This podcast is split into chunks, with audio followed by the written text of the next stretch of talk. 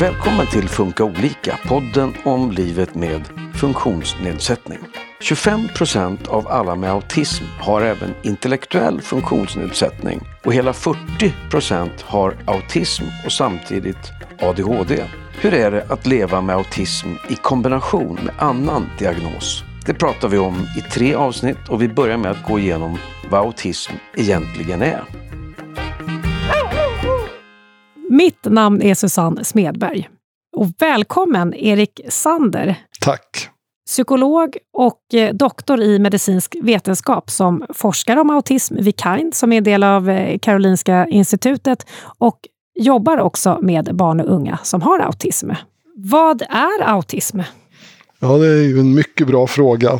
Eh, vi brukar ju kategorisera autism som en, en variant av att vara människa kan man säga. Eller ett, ett sätt att, eh, av att vara människa. Där eh, det är vissa delar av ens funktion som eh, är annorlunda än vad det brukar vara hos, de, hos det stora flertalet. Och de delar som det handlar om är ju det som har med socialt samspel och social kommunikation att göra och flexibilitet. Egentligen. Och den kan ta sig extremt många olika uttryck. Är det huvuddragen social kommunikation och flexibilitet? Det kan man säga. Ibland pratar man ju om eh, repetitiva och begränsade och, eh, beteenden istället för flexibilitet. Men egentligen så passar den här termen flexibilitet eh, binder ihop de här delarna, tycker jag, på ett ganska bra sätt. Varför får man autism? Man tänker sig att de här beteendena eh, hänger ihop med någon typ av annorlunda eller speciell hjärnfunktion. Och att hjärnan är ju, det är ju en del av oss som biologiska varelser och det har ju då med hur den eh, fungerar att göra man vet ju inte exakt vad det är som gör att vi beter oss på ett autistiskt sätt idag. Man har en hel del ledtrådar men, men, men det är ingen som kan liksom utifrån hjärnfunktion och så vidare tala om att man har autism. Så det finns ganska mycket forskning som, eh, som visar att det, finns, att det handlar om ärftliga faktorer ändå som är, som är någon typ av orsak. Men samma sak där, att man vet inte exakt vad det är som ärvs. Men någonting är det som eh, förs vidare från mellan generationer i alla fall. Det eh, tycks vara ganska så eh, klart. Har autism någon koppling till IQ? Ja, det kan man ju säga på ett sätt att för bland, om man har Särskilt om man har de här mer svårare formerna av intellektuell funktionsnedsättning som alltså är låg, låg IQ. Då, då är ju autism vanligare. Så så tillvida har det ju en koppling. Och det är överrepresenterat helt enkelt bland de som har också intellektuella svårigheter. Spännande, det kommer vi också prata mer om i ett annat program. Hur märks på en person att hen har autism? Är det några vanliga tecken? Ja, det beror ju på vilken ålder man tänker på eh, och det beror givetvis på eh, det kan visa sig på, på en hel del olika sätt. Men om man börjar från när man är liten så har det varit ganska svårt att se att någon... Det, det, handlar ju om att se trots allt. Alltså det handlar ju om att observera beteenden väldigt mycket. Och eh, barn under ett år har man, man har hittat vissa tecken på gruppnivå då som som eh, sen visar sig kunna bli autism. Men om man ska vara väldigt sådär grov och generell så är eh, det ju det lilla barnet som har svårt att lära sig prata. Det är väl ett klassiskt tecken. Sen så handlar det ju också om de diagnosgrundande svårigheterna som att man kan ha svårighet med ögonkontakt. Man kanske inte tittar så mycket på sina föräldrar eller man svarar inte när de ropar på en eller pratar med en. Man eh, kan leka på ett annorlunda sätt. Till exempel gilla annorlunda saker och leka med än barn i allmänhet brukar göra. Och eh, fastna i vissa beteenden kanske och upplevas som väldigt envis och sådär. Men det är väl de vanligaste tecknen i, i förskoleåldern då. bland barn som, som pratar, det finns många barn med autism, de flesta barn med autism pratar. Eh, även om de inte gör det så mycket kanske i, i förskoleåldern eller de man upptäcker i förskoleåldern. Det handlar ju om det här att, de, att föräldrar kan uppleva dem som väldigt envisa och svårstyrda. De vill göra på sitt sätt. Och, och har jättesvårt när man ändrar på saker de är vana vid eller när det inte blir som de vill. När man blir, sen vartefter man åren går då så, så kan tecknen bli mer subtila eller svårtydda. För även om det inte finns superbra forskning som, som verkligen stöder det jag kommer att säga just nu så är det nog så att de som har störst autistiska svårigheter eller, de upptäcks tidigast. Och vartefter tiden går så, eh, så är det väl då de, de oftast med mer milda eh, svårigheter inom det här området som man upptäcker. Och det finns ju många många barn, äldre barn och ungdomar och, och även vuxna som får diagnos. Det finns ju till och med pensionärer som får eh, diagnos. Och då eh, kan man ju tänka sig att även om inte, ja det är, det, det är många andra saker som avgör om man, när man upptäcks så att säga, eller när man får sin diagnos. Men att det ändå eh, har lite att göra med hur, hur stora svårigheterna är. De här beteendena eller dragen som du har berättat om nu. Vad kan det leda till? Ja, det, det är ju en otroligt viktig fråga. Därför att när man pratar om autism pratar man ju väldigt mycket om de här diagnosgrundade eh, beteendena, alltså det som har med socialt samspel och flexibilitet att göra. Man försöker att värdera hur mycket man har av de svårigheterna eller inte. Men nästa steg i kartläggningen och i och det som kanske är mer relevant för de flesta det är ju hur man fungerar. Och då, finns det, då är ju variationen kanske ännu större. Eh, för det finns ju faktiskt de som kan fungera eller ha en funktion som gör att de är väldigt delaktiga och eh, ja, deltar i, i de saker som förväntas att man deltar i på ett, på ett vettigt sätt och mår bra. Till de som är extremt hindrade och i behov av mycket stort stöd och stora anpassningar för att deras dagliga liv ska påverkas på ett positivt sätt. Men helt enkelt, så det, det är jättesvårt att säga något generellt om egentligen hur, hur autismen påverkar mer än att den påverkar det som har med samspel, alltså i relation till andra människor. Eller ett sätt att relatera till andra människor. Och det påverkar eh, det stora flertalet påverkas ju också ganska mycket, alltså, eller deras dagliga fungerande påverkas ganska mycket också. För av någon anledning så även om man har en god begåvning, alltså inte en intellektuell funktionsnedsättning och autism, så kan många ha svårt att lära sig de här mer vardagliga färdigheterna som allt från hygien och eh, sköta sin, sitt utseende och sina kläder och klara av att eh, eh, ja, ta sig till skolan eller så på egen hand och sådana grejer kan vara jättesvåra. Så, så därför behöver man göra, eh, för var och en behöver man göra en ordentlig kartläggning av hur, man, hur, hur ens funktion är. Det är egentligen, det, ja, det är direkt nödvändigt. Det går inte att komma, ifrån, komma undan om man gör en utredning eller när man, när man konstaterar att någon har autism. Det är o, nästan ointressant om man inte också beskriver funktion. Vet man hur många som har autism? Nej, det vet man faktiskt inte.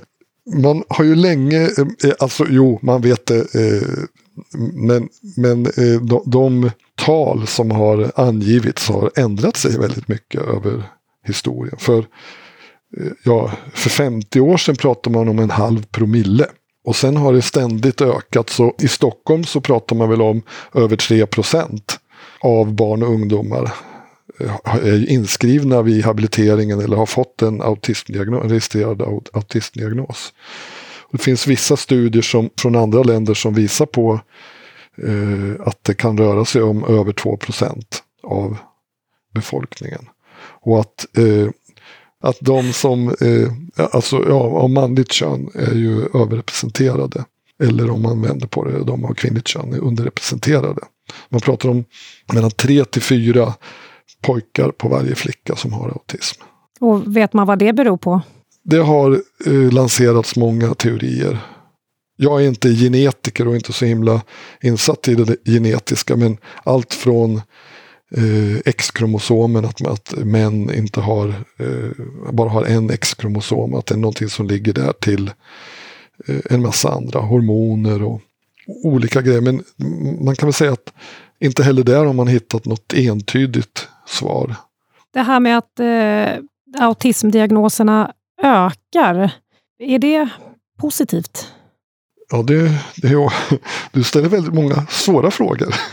eh, om man säger så här, vad är vitsen med att eh, få ha en autismdiagnos? Och det är ju enkelt uttryckt att man har någon typ av hjälpbehov. Eller behöver någon typ av förklaring för hur man är, hur det fungerar för en. Och eh, om man har ett sådant behov, då kan ju en autismdiagnos, då kan man ha nytta av den.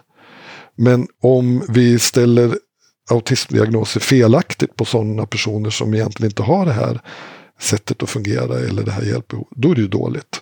Så det är, ja, jag kan inte svara på det mer än så. Hur går en utredning till? Ja, enligt de riktlinjer och den kliniska praxis som har utvecklats världen över så bygger ju en, en utredning, eh, grunden, basen för en, en sån här utredning är ju alltid anamnesen. Alltså histor barnets eller personens historia, utvecklingshistoria. Utan den kan man egentligen inte ställa diagnos. För ett kriterium för att man ska kalla något för autism är ju att det har debuterat under ens barndom. Någon gång under ens barndom. Så det är basen och det, det gör man ju dels genom ja, fria intervjuer eh, och med standardiserade instrument. Man, ställer, eller man använder intervjuer som är, som är, som är vetenskapligt utprövade då för att eh, kartlägga fungerandet. Eh, sen så handlar det om att man behöver ju göra vissa testningar man behöver ju kartlägga barnets funktion väldigt noggrant. Och där ingår ju ett intellektuellt fungerande, alltså eh, begåvning eller vad man vill kalla det för. Och såklart hur man samspelar, hur, eh, hur flexibel man är, hur man leker, hur man beter sig och så vidare. Och sen så, kan, så ingår det ju att man pratar med, man samlar in den här informationen från olika håll. Då, från föräldrar, från personen själv om personen kan berätta om det. Och från kanske skola, förskola eh, eller vad det nu är, vilken miljö personen befinner sig i. Och att man använder både, som vi säger, kliniska metoder, alltså att man, man träffas, träffar personen och, och umgås och pratas med, med personen. Men man gör också olika test och man ställer en, en, en stor mängd frågor på olika sätt. Man bör vara flera olika personer, olika yrkeskategorier bör vara inblandade. Läkare och psykologer minimum. Ibland så är andra professioner också inblandade som logopeder, eh, barnneurologer eller barnläkare. Eh, socionomer kan vara med ibland, specialpedagoger och så vidare. Och sen så, pratar man, eh, så går man igenom all, alla sina, all sin information och eh, fattar ett diagnostiskt beslut. Så går det till. Det låter ju som det är jätte, att det tar jättelång tid och det behöver det inte göra. Det kan, gå, det, det kan man göra på ja, ett begränsat antal timmar. Och sen när man då får besked, då kan det handla om autism 1, 2 eller 3. Vad innebär det? Ja, det är en väldigt svår fråga att, att besvara faktiskt. Det är så här att i Sverige använder vi den klassifikation som heter ICD. Det är ICD 10 som gäller fortfarande. ICD 11 är utgiven eh, och håller på att eh, förberedas för svenskt bruk. Men inom psykiatri av någon anledning använder vi inte ICD utan där använder vi DSM som ja, står för Diagnostic and Statistical Manual of som, som han eh, är alltså amerikanska psykiatrikernas eh, förening som, har gett, som ger ut. Och i den har man eh, lagt till, som du sa, autism 1, 2 och 3. Det är lite krångligare än så, därför att det handlar om svårighetsgradering av autismen. Man ska alltså svårighetsgradera dels ens sociala samspels och kommunikativa svårigheter för sig och flexibiliteten. Och så som de är definierade handlar det om hur mycket hjälp man behöver. Enkelt uttryckt. Så nivå 1 handlar om att man behöver visst stöd och hjälp för att fungera bra. Två, eh, omfattande stöd och tre, väldigt omfattande stöd. Eh, men sen har man då blandat ihop det här med hur mycket symptom man har. Därför logiken i de här eller i DSM är att ju mer symptom man har desto större påverkan har det. Och så är det faktiskt inte med autism. Och då, då, då hamnar man i en väldigt konstig eh, situation. För, eh, å ena sidan då för att då kan ju en person ha förhållandevis eh, milda autistiska svårigheter. Men ha ett väldigt stort hjälpbehov. Och om vi då kallar det för autism nivå 1. Då kommer ju eh, omgivningen tänka helt fel om hur mycket hjälp och stöd den personen behöver. Den andra grejen är att majoriteten av personer med autism har någonting mer. Som också är funktionspåverkande. Och hur Ingen har någonsin presenterat, i alla fall som jag känner till, hur man skulle kunna sortera ut de autistiska svårigheterna. Till exempel från om man har intellektuell funktionsnedsättning eller ADHD eller någonting annat. Och, och liksom separat gradera hjälpbehovet. Jag har varit med och tagit fram eh, riktlinjer för barn, eh, barn och ungdomspsykiatri i Sverige. Där har vi då avrått från att använda de här 1, 2 och 3 och istället ange en, göra en ordentlig funktionsbeskrivning och, och, och gradera hjälpbehovet utifrån det. Och det är egentligen den informationen som är viktig att få fram ja, när man får en diagnos? Precis. Men, men den, har, den används för Eh, synonymt med symptom, symptomens svårighetsgrad.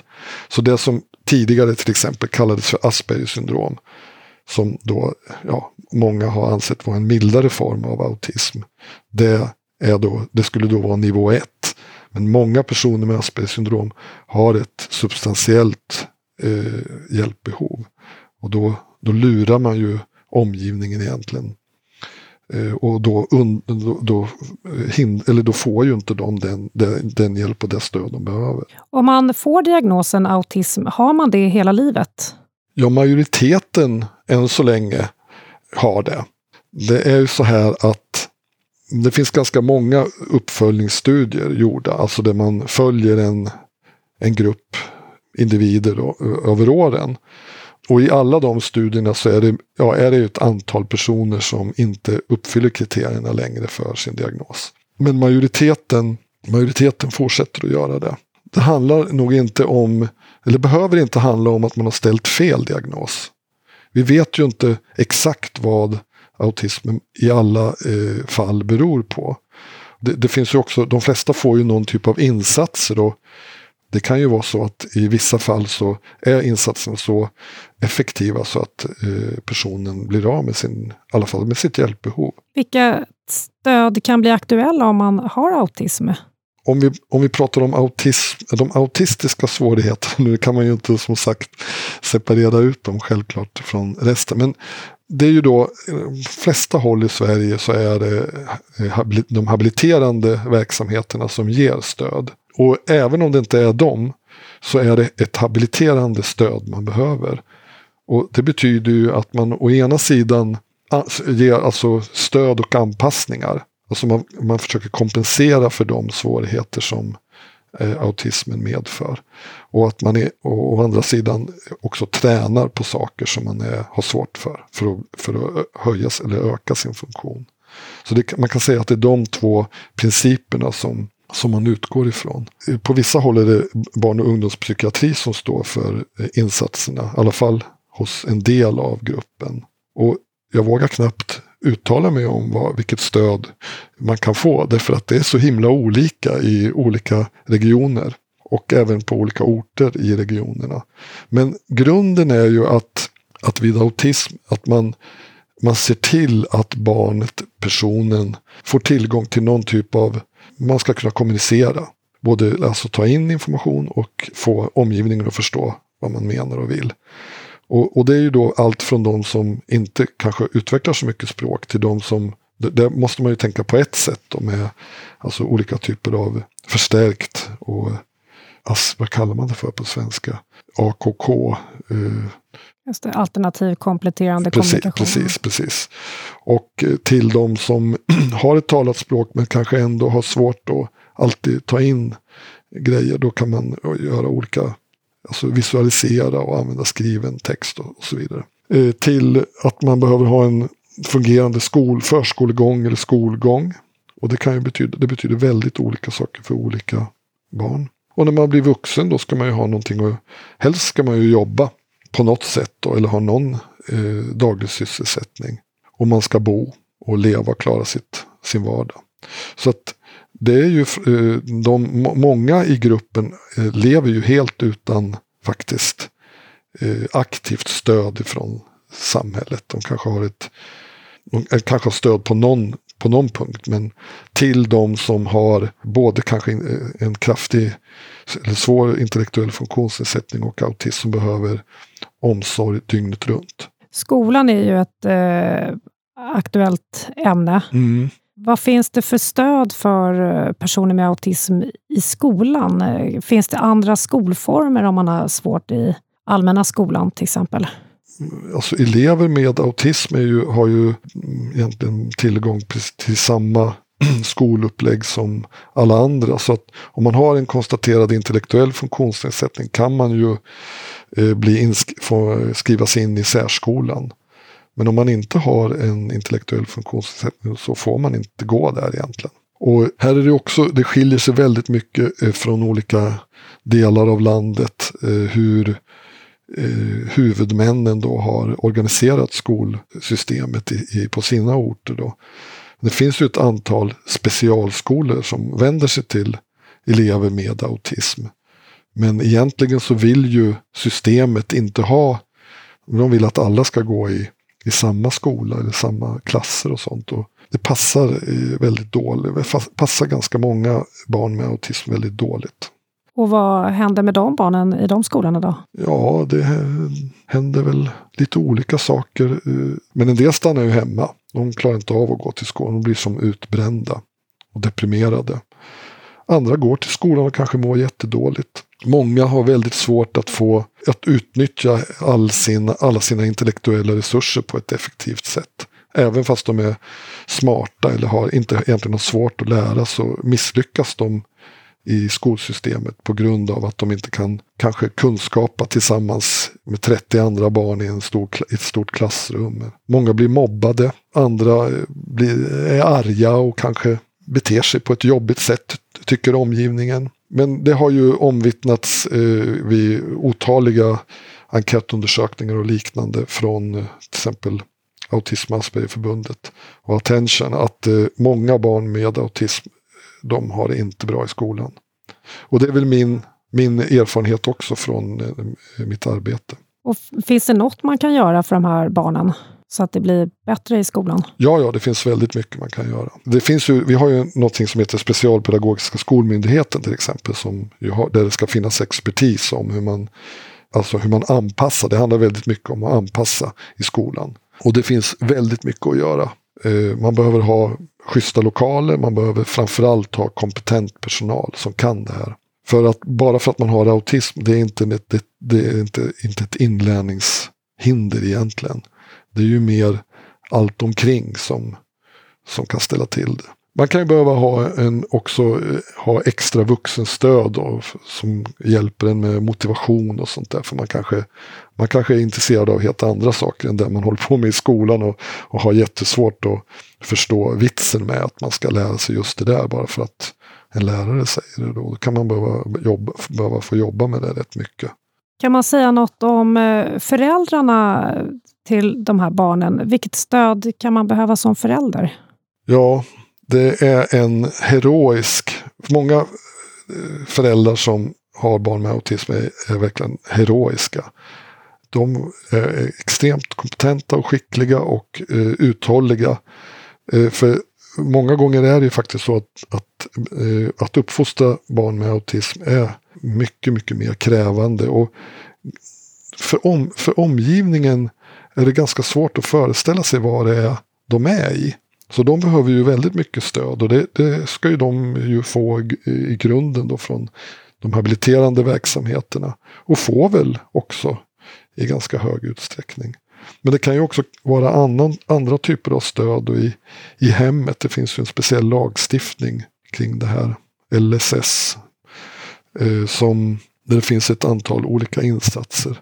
Det, har väl, det, det, det jag har märkt i min kliniska vardag, jag träffar eh, alltså de yngsta förskolebarnen, det är att eh, omgivningen inte riktigt kan förstå att en tvååring kan kräva så mycket som de gör om de har autism. Och eh, Försäkringskassan och liknande, de, det finns ju olika bidrag man kan få. De, de har ingen förståelse för att ett barn med autism har ett mycket, mycket större omsorgsbehov än barn i allmänhet i den åldern.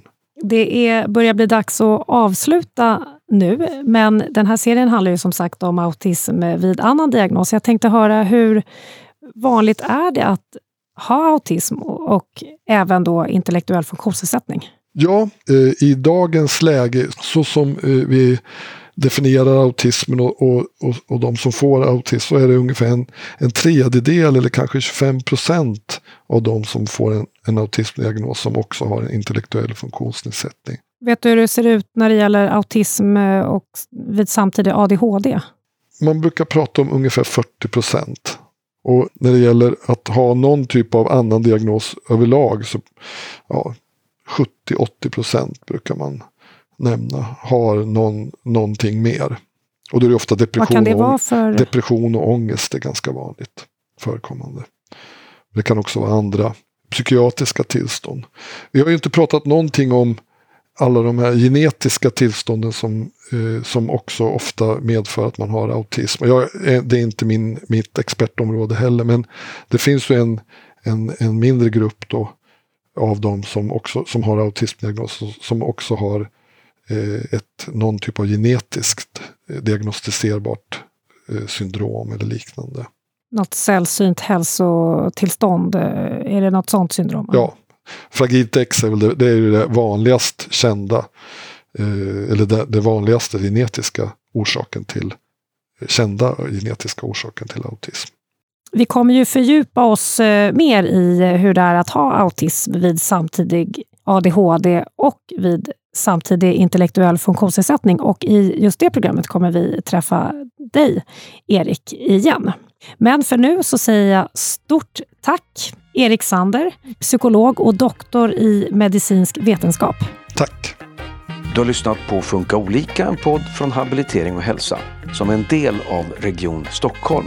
I nästa program fördjupar vi oss i hur det är att ha både autism och ADHD. Lyssna då!